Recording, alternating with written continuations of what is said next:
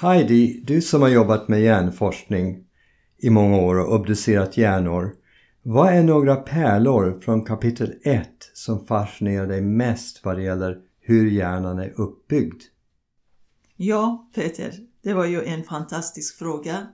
Och det som fascinerar mig mest vad gäller hjärnans uppbyggnad är att den håller på, precis som universum, eh, expandera. Och det är ju det som kallas för neuroplasticitet. Att nervcellerna håller på hela tiden bildas dagligen och det är en av absolut mest fascinerande upptäckter om hjärnan. Sedan finns det en ännu eh, spännande område där man eh, pratar om hjärnans speciella funktion och det är då hjärnan kan kommunicera med använda olika områden och engagera i en och samma uppgift. Det fascinerar mig mest för att till exempel ska man skapa eller bilda ett minne så behöver man rekrytera olika delar av hjärnan för att kunna bilda ett eh, minne och ju mer stimulans eh, finns eh, för att bilda den här minnet då blir det starkare eh, intryck och det blir starkare minne givetvis. Men Peter, vad gäller kapitel 1, vad är det om hjärnan som fascinerar dig mest? Heidi, jag är så fascinerad av den här kommunikationen som pågår.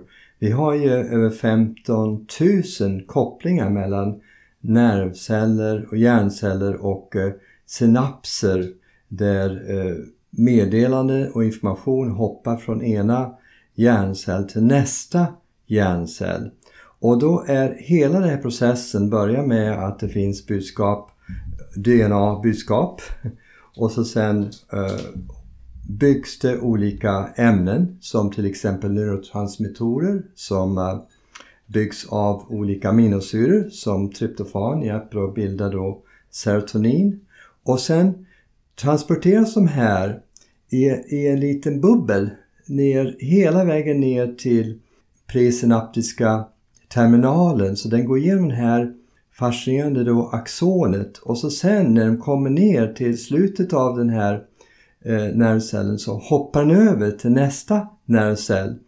Allt det här förflyttning och den här fantastiska informationen drivs av både kemiska och elektriska signaler. Så jag är så fascinerad av den här kommunikationen och att det sker så blixtsnabbt hela tiden mellan de här 15 000 olika eh, kopplingar mellan eh, hjärnceller och synapser.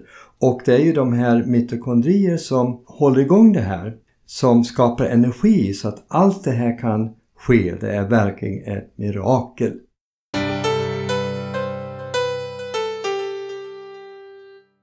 Besök gärna vår hemsida räddadinhjärnanu.se och köp boken och uppdatera din hjärnhälsa.